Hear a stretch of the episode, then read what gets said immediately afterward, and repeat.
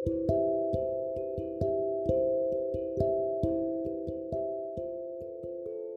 Sobat Yentrik, gimana kabarnya? Sebelumnya aku mau mengucapkan selamat Hari Raya Idul Fitri untuk teman-teman semuanya. Mohon maaf lahir batin, dan semoga Sobat Yentrik dalam keadaan sehat selalu. Terhitung sekitar 2-3 bulan terakhir ini, kita menjalankan hashtag di rumah aja. Mulai dari belajar, kuliah, bekerja, beribadah, dan yang kemarin baru kita laksanakan adalah berlebaran. Sobat UM pun juga sudah melaksanakan perkuliahan jarak jauh, UAS, bahkan mahasiswa semester akhir pun juga sudah ada beberapa yang melaksanakan sidang secara online. Omong-omong, hari ini tanggal 29 Mei 2020, di mana hari ini adalah tepat dimulainya KKN bagi teman-teman UM yang mengambil matkul KKN di semester antara 2019-2020. Sudah pada tahu kan kalau KKN semester antara tahun ini spesial? Spesial karena UM merancang KKN khusus dilaksanakan di tengah pandemi. Namanya pun spesial, yaitu KKN reguler edisi COVID-19. Berdasarkan buku petunjuk KKN edisi COVID-19, KKN selama COVID-19 ini mengusung tema KKN berbasis produk karya pengabdian. Sederhananya, pada KKN ini mahasiswa menciptakan produk pengabdian atau layanan masyarakat.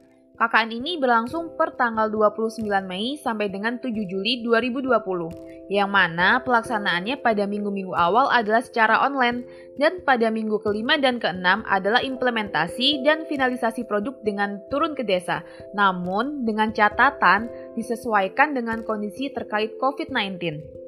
Ada yang sangat unik dari KKN edisi COVID-19, sehingga membuatnya berbeda dibanding KKN di tahun-tahun sebelumnya yaitu mahasiswa KKN tidak menginap atau tinggal di desa sasaran KKN. Ini tidak lain adalah menyikapi diberlakukannya PSBB dan protokol kesehatan lainnya terkait pandemi COVID-19. Jadi, mahasiswa diarahkan untuk melaksanakan KKN dengan menciptakan produk tanpa turun ke desa. Jujur, awalnya hal ini sedikit membuat ragu, dan mungkin sobat jentip juga ada yang berpikiran sama.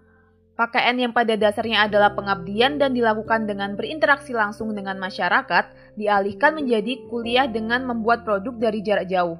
Belum lagi 15-20 mahasiswa dalam satu kelompok KKN berdomisili di tempat yang berjauhan. Sudah bisa dibayangkan, tidak menginap di desa dan harus menciptakan minimal 5 produk pengabdian. Sebagaimana yang tertulis dalam buku petunjuk, Setidaknya setiap hari ada komunikasi dan diskusi berkaitan dengan produk KKN via grup WA atau aplikasi tatap muka daring lainnya. Harus selalu sedia kuota internet intinya. Hmm.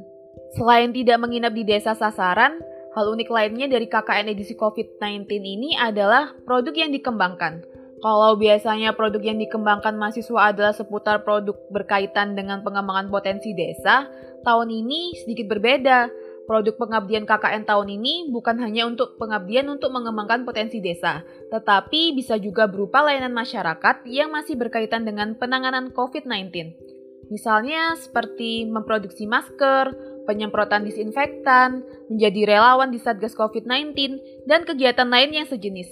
Jadi di tahun ini KKN juga menjadi salah satu sarana mahasiswa untuk turut berpartisipasi aktif dalam pencegahan dan penanganan COVID-19. Nah, dari produk maupun layanan yang dikembangkan itu nanti, mahasiswa akan menyusun artikel dan laporan pada akhir kegiatan KKN edisi COVID-19. Dalam hal ini sepertinya masih sama seperti tahun-tahun sebelumnya. Sementara untuk buku harian KKN sendiri, pada tahun ini pengisiannya dilakukan secara online. Tentu pelaksanaan KKN edisi COVID-19 ini memiliki dampak tersendiri. Salah satunya mahasiswa tidak perlu khawatir lulus tidak tepat waktu, juga tidak perlu khawatir akan terdampak COVID-19 karena KKN yang dilaksanakan tetap mempertimbangkan protokol kesehatan, yakni dilaksanakan secara jarak jauh. Dampak lainnya yang tidak kalah penting adalah mahasiswa dituntut untuk tetap berkontribusi aktif di tengah pelaksanaan KKN yang secara garis besar hanya bermodal komunikasi jarak jauh, tanpa ada interaksi langsung baik dengan sesama mahasiswa, dosen pembimbing maupun warga. Mantap sekali bukan? Sejak diumumkannya kelompok dan penempatan desa KKN, kemudian mulai diadakan koordinasi via WhatsApp Group, ternyata sudah ditemukan beberapa kendala terkait KKN edisi COVID-19 ini. Di antaranya yang kemarin ramai dibicarakan oleh teman-teman mahasiswa adalah terdapat beberapa desa yang menolak mahasiswa untuk melaksanakan KKN Bahkan setelah dijelaskan bahwa KKN dilaksanakan tanpa menginap di desa yang bersangkutan dan tetap memperhatikan protokol kesehatan yang berlaku. Hal ini sangat wajar karena bagaimanapun kita semua sedang berada di kondisi yang sulit. Wajar sekali apabila desa tidak bersedia untuk menerima mahasiswa melakukan KKN, entah karena pertimbangan pencegahan tersebarnya COVID-19 maupun kebijakan lain yang masih terkait. Yang jelas, ini adalah langkah yang sangat mungkin diambil oleh pihak desa terkait dengan COVID-19.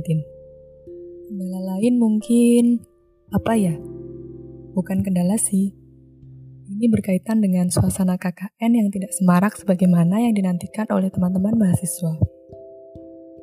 Bagaimanapun, KKN edisi COVID-19 ini dilaksanakan dari jarak jauh, tanpa menginap di desa.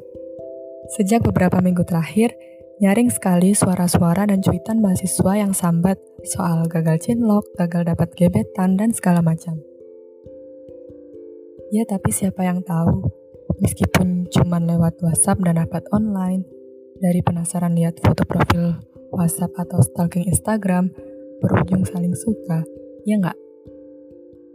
Barangkali KKN edisi COVID-19 ini adalah bagian dari new normal life yang sedang dihadapi oleh segelintir mahasiswa UM semester 6 yang mengambil matkul KKN di semester antara tahun ini. Boleh jadi, keseruan KKN yang sudah diangan-angan ternyata tidak terlaksana seperti yang diangan-angan. Tetapi semoga ini tidak mengurangi semangat Sobat Nyentrik yang tengah melaksanakan KKN edisi COVID-19 ini. Semangat juga untuk sobat nyentrik lainnya yang tengah berjuang dan beraktivitas di rumah aja.